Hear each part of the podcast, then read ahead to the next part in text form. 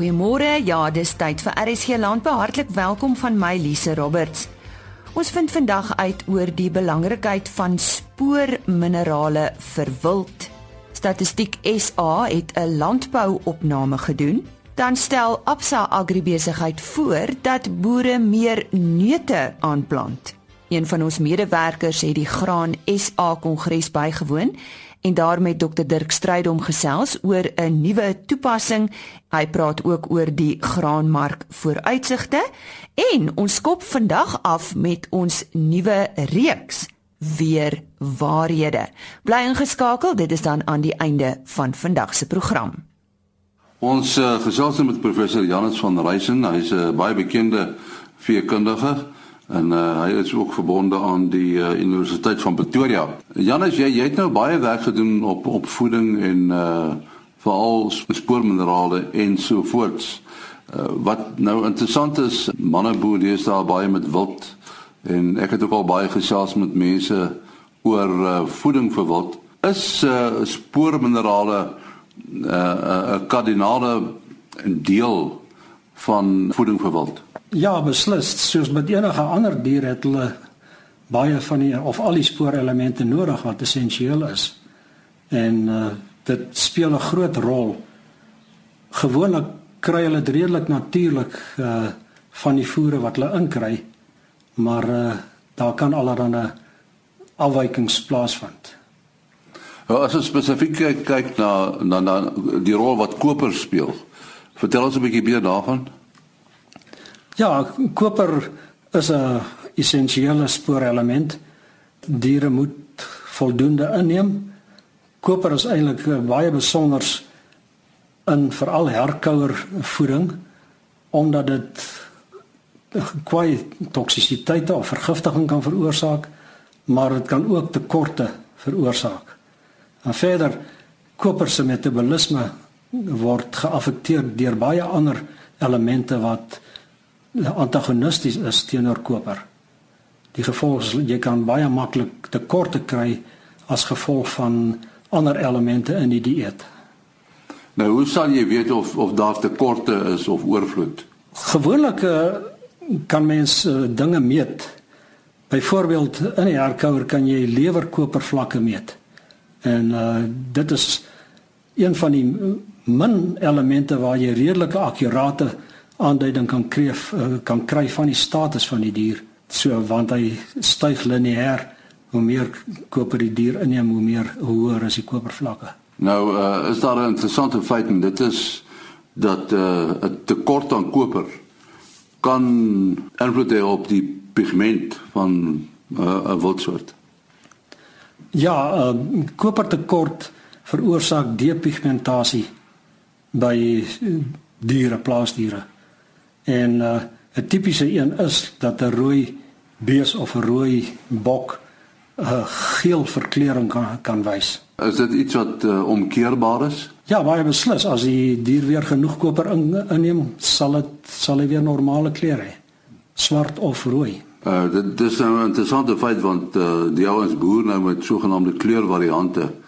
Uh watter versekerings het ouens dat daar nie 'n kleurpigmentasie probleem is nie? Ja, dit is uh, redelik moeilik. As mens die moeite wil doen, kan jy byvoorbeeld bloedontledings doen. Bloedplasma ontledings. Laag kopervlakke in die bloedplasma sal aandui dat die diere tekort het. Verder gaan kan jy lewerontledings doen, maar dit is nou nie so maklik nie want lewerbiopsies is nou 'n bietjie 'n ingewikkelde ding. Dit wat ons nou oor praat, laat dit die deur oop vir in aanhalingstekens bedrog dat ouens met opset uh dalk 'n kopertekort sal aanbring om 'n kleurvariant te bewerkstellig. Teoreties is dit moontlik, maar ek dink dit gaan nie baie maklik plaasvind nie want tensy hulle nou daar diere het wat hulle uh, spesifiek voer om 'n kopertekort te kry, gaan jy 'n probleem hê as die hele plaas byvoorbeeld 'n kopertekort het want al die diere, ander diere gaan ook geaffekteer word en dit gaan siek lammers of kalvers gee en baie ander simptome ook. Glad nie bestand teen uh, infeksies nie en al daai dinge. Janus, hoeveel werk word op die oomblik gedoen uh, ten opsigte van uh, van voeding vir wild? Daar is baie adviseurs en hulle hulle ken hulle werk. Maar ek weet nie of daar vreeslik direkte navorsing gedoen word daarop nie. So, dit is uh, eintlik iets wat nog moet gebeur. Ja, ek dink dit is 'n praktiese probleem om navorsing te doen met wild. Jy jy kan steekproewe doen en so van uh, so aan maar om dinge te beheer en byvoorbeeld 'n normale kontrole te hê is baie moeilik. Ja, ons sê baie dankie aan uh, professor Janus van Reisen. En nou nuus. Monsanto is tydens die Graan SA Kongres by Nampo Park diskant Botawil vereer vir sy rol in Graan SA se produsente ontwikkelingsprogram. Kobus Steenekamp, bestuurende direkteur van Monsanto, het die toekenning namens die maatskappy ontvang. Monsanto is een van 'n aantal vennote in die projek en is reeds sedert 2013 daarbey betrokke. Die program fokus op die ontwikkeling van beide ontluikende en kommersiële swart boere. Monsanto se rol in die spesifieke projek is spesifiek gemik op die verskaffing van saad en gewasbeskermingsprodukte. Die projek het ten doel om landboukennis met betrekking tot plantpraktyke, volhoubare boerdery, besigheidsplanne en die gebruik van moderne tegnologiee oor te dra. En volgens die MPO melkbulletin van 10 Maart is suiwelproduk-invoere tans hoër as in 2016. Gedurende Januarie 2017 is 6852 ton suiwelprodukte ingevoer, twee keer soveel as in Januarie 2016. Die vernaamste invoere was in die UHT en melkpoeier kategorieë. Uitvoere was teen 15370 ton, 'n raps meer as in Januarie 2016. In die komende maande kan hoër wêreldpryse 'n beperking plaas op invoere terwyl dit uitvoere aanmoedig. Ons uh, gaan nou so 'n bietjie oor statistiek gesels en uh, ook die jaarlikse landbou steekproefopname. Ons praat met uh, Sally Wheeler van Statistiek Suid-Afrika. Nou, wat is die die uh, die rede vir hierdie uh, landbouopname, Sally? Die rede vir hierdie landbouopname is om neigings te bepaal in die landbousektor en dit te identifiseer ten opsigte van die belangrike ekonomiese aanwysers, soos byvoorbeeld die bruto boerdery inkomste. Goed, dit is nou die 2016 opname. Hoekom nie die 2017 nie? In die Ons verwys na 2016 omdat ons wil graag die boekjaar wat eindig tussen 1 Julie 2015 en 30 Junie 2016 wil hê. Dus kom ek gee 'n voorbeeld. As 'n boekjaar eindig in Desember, dan verkies ons die Desember 2015 boekjaar wat dan gebruik moet word om hierdie vrae te voltooi. En en wie neem neem nou deel aan aan die opname? Alle geselekteerde kommersiële boere word aangemoedig om deel te neem. Statistiek Suid-Afrika het 'n besigheidsregister waaruit ons deelnemende boere wetenskaplik kies. Nou, dit is nie verplig om deel te neem nie, dit is vrywillig, nê? Nee. Uh verplig. Statistiek Suid-Afrika het 'n wet op statistieke wat almal verplig om die vraelys te voltooi alhoewel ons graag wil noem dat alle inligting konfidensieel gehou sal word.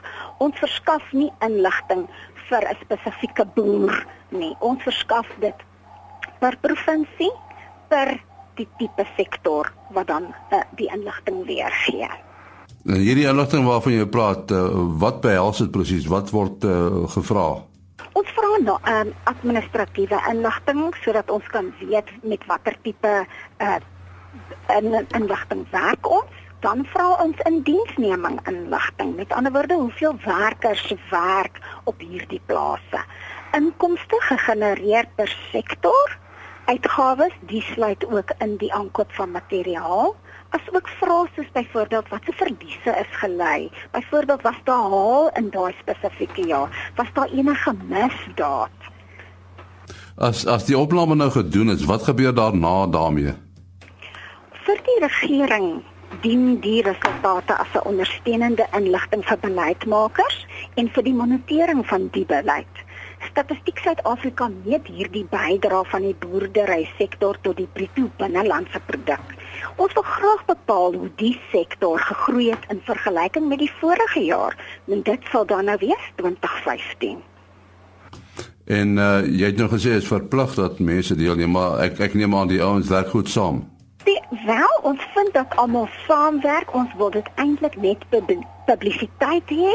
Ons wil sorg dat alle boere vir ons voltooi sodat ons dit in tyd kan kry want ons begin Januarie al om um, die vraelyste uit te stuur. Ons wil dit graag teen einde Maart hê. Dit dit kry ons nie in tyd nie. Daarom probeer ons van die media gebruik maak om almal bewus te maak daarvan sodat hulle in tyd vir ons die inligting kan voltooi. En ons wil dan graag die resultate teen die einde van die jaar publiseer. So so die vraelyste is nou begin Januarie uitgestuur en dit moet voor die einde van die maand uh, inwees. Dis reg alhoewel ons dan per individueel kontak maak en ons bespreek die tyd wat vir vir die spesifieke boer uh gemaklik is en wat ons dan ook doen is ons kan aanbied om dan ook te assisteer. Ons het ons uh staf wat genoeg kennis het om te om te assisteer om daardie vraelyste voltooi. Miskien net uh, jou laaste telefoonnommer as mense nog vra het. Uh u kan my telefoonnommer dan deurgee. Kan ek dit deurgee? Asseblief. Dis 012 310 4632. Sê hom weer. 012 310 4632. Ja, baie dankie. Sally Wheeler van Statistiek Suid-Afrika. Die volgende gesprek is met Wessel Lemmer van Absa Agribesigheid en hulle beveel aan dat produsente meer neute aanplant. Kyk, Lisa, ons boere kyk baie keer na alternatiewe gewasse en een van hierdie is natuurlik die gewasse wat veel meer wat in lyn is met die tendense wat ons sien rondom meer gesonder voedsel. Ons hierdie termynbeweging en al hierdie En net speel 'n belangrike rol daarin en ons uh, produsente fokus baie keer op neute wat soos die makadamieneute en die pekanneute, maar wat interessant is daar is ook ander neutsoorte. En uh, ek dink dit gee gee vir ons net 'n idee van watter ander neute ons ook na kan kyk. So watter neute praat jy nou juis hiervan? Wel, ek dink om net om vir jou perspektief te gee in terme van die wêreldneutproduksie hier, dis nou praat van mieliekommoditeite en 'n praat van miljoene tonne, maar uh die totale wêreldneutproduksie is maar so 3,7 miljoen ton. Dit is baie hoë waarde gewasse van die totale neutvoorraad of uh, voorsieningsketting se waarde is so 33000 miljoen, so 33 miljard dollar. Nou uit dit uit as ons nou die neute gaan lys, dan sal ons sien dat om net 'n perspektief te stel as jy nou vergelyk met met pekanneute pekanneute is so 1.4 miljard dollar, makadamie is 646 miljoen dollar. Vergelyking met amandels, amandels is so 7.5 miljard dollar. Pistasie 6.9 miljard dollar. So dit gee vir net 'n idee van die orde grootte van van die waarde van neute in die wêreld en dat daar ander neute is wat baie groter is. Selfs uh okkerneute, haselneute en kasjuneute is in waarde heelwat meer as pekanneute en makadamie neute as jy nou net gaan kyk na die die neutproduksie in die wêreld, is dit 3.7 miljoen ton en die wêreldverbruik van neute is 3.4 miljoen ton. Dit gee vir net 'n idee. Ek miskien is dit belangrik om net te noem wat is die in terme van die tonne produksie. Ehm um, as jy gaan kyk na makadamie waarop ons fokus, is die produksie in die wêreld is 44000 ton en die verbruik is 37000 ton teenoor pekanneute met 114 amper 115 000 ton is teenoor 111 000 ton. Om net jou idee te gee, daar is vyf verskillende neutsoorte waarvan die produksie en verbruik in die wêreld groter is as pekende makadamie neute. En dit is dan die wat ek genoem het, amandelneute, okkerneute, kasjuneute, pistasies en haselneute. Amandels se produksie so uh het as 'n miljoen ton en die verbruik is 1.1 miljoen ton. So dis eintlik al 'n tekort aan aan amandelneute. Dit bring ons natuurlik na Suid-Afrika. As gaan kyk byvoorbeeld na wat ons uitvoer in Suid-Afrika. In terme van die waardes van die neute wat vir Suid-Afrika uitgevoer word, het ons die ongedopte neut uitvoere het verlede jaar so 2.2 biljoen rand beloop teen 'n gemiddelde prys van 79 rand per kilo en die oorgrootste meerderheid daarvan was makadamias wat in die dop uitgevoer is, so 52% en pekanneute 47%. En as jy gaan kyk, sodra ons hom dop en hom dan uitvoer, dan was die totale uitvoere van makadamias was ja, ons het feitelik net 99% van ons neut uitvoere was makadamias met 'n gemiddelde waarde van 218 rand per kilogram. En wat net interessant is rondom die neute wat ongedop uitgevoer word na die ooste toe. Hulle het 'n tradisie om te kuier en neute te breek en dan die neut uit die dop te eet. Dis hoekom ons sien dat ons soveel ongedopte neute na die ooste toe uitstuur. Nou in terme van kilogramme wat ons uitgevoer het uh, in die dop is dit so 28000 ton neute wat ons uitgevoer het verlede jaar en dan die gedopte neute was 7,3 miljoen ton. So dit gee vir jou 'n idee van die omvang van ons van ons uitvoere.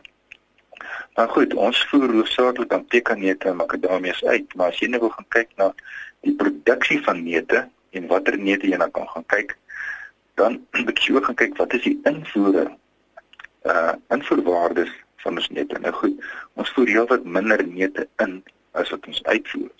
Maar daar is tog neute wat ons invoer.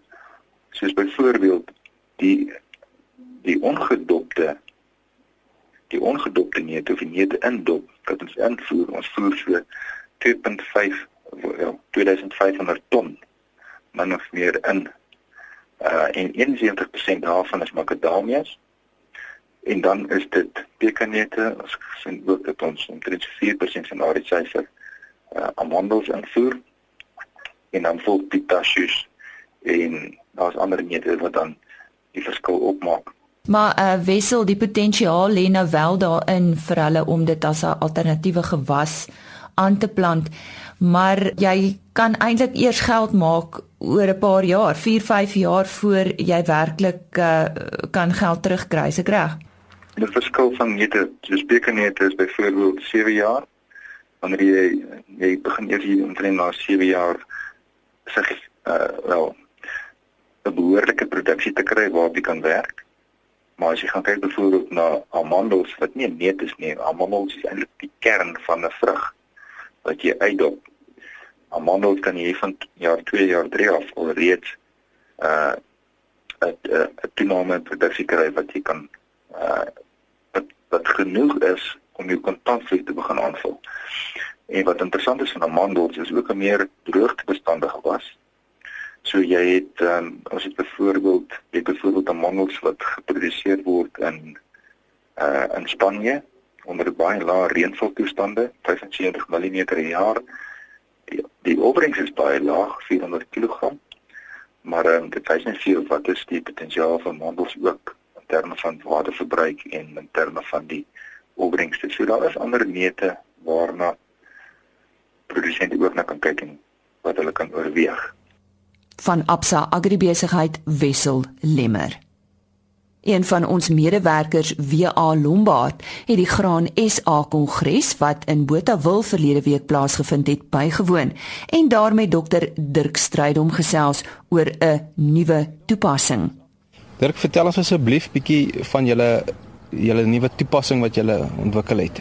Ja, WA die die nuwe toepassing is 'n app wat ons ontwikkel het vir vir boere om bietjie vir ons inligting beheer te gee maar die inligting word spesifiek gebruik vir die lede dan. So as jy jou inligting inlees, dan kry jy ook die inligting wat die res van die mark inlees en dit is op die einde van die dag om 'n bietjie te kyk waar lê sekere markinligting wat nie alom beskikbaar is nie wat ou dan help om beter bemarkingsbesluite te maak, maar dan daar ook voordele soos jy kan prysinligting deurgee van wat het jy vir insette betaal en dan kan jy ook sien wat het mense in jou omgewing vir vir daai selfde inset betaal en wat het die res van die land ook wat vir jou so 'n bietjie van 'n bedingings mag gee en bietjie vir jou bietjie ekstra voordeel gee om beter pryse te beding. En en jy sê dis vir julle lede kan mag net julle lede dit gebruik of Ja, mense? op die stadium is dit 'n lede voordeel. So as jy ons ons skep dit juist vir ons wat ingraan is al behoort. So jy jy moet 'n lid wees om in die app te kan ingaan en dan daai voordeel van daai inligting te kry en so 'n bietjie van die benchmark inligting te kan kan sien ja. Baie dankie. Sê met 'n la, laaste vraag, wat is julle vooruitsigte vir die vir vanjaar, die graanmark ensovoorts? Ja, ek dink wie ja die die die die dilemma wat ons mee insit is is ons sit in 'n scenario wat ons nog nie ooit regtig in was nie. Ehm um, eerstens die verbruiksyfers is maar bietjie af want daar's nie baie diere tans weens die droogte. So ons weet die verbruiksyfers is bietjie laag. Die internasionale pryse is baie laag weens baie hoë voorrade en dan het ons natuurlik 'n goeie oes en verwagtinge van 'n goeie oes wat natuurlik maak dat ons pryse ook gaan laag wees. So winsgewendheid gaan onder druk wees vir die seisoen en bemarking gaan baie belangrik wees en ek dink dis hoekom die inligting so belangrik is is om 'n om 'n goeie bemarkingsbesluit te maak, gemaak of gaan jy die die seisoen dit maak of nie. Dit was aan WA Lombard wat daar met Dr Dirk Strydom van Graan SA gesels het. Weer waarhede saam met Johan van der Berg.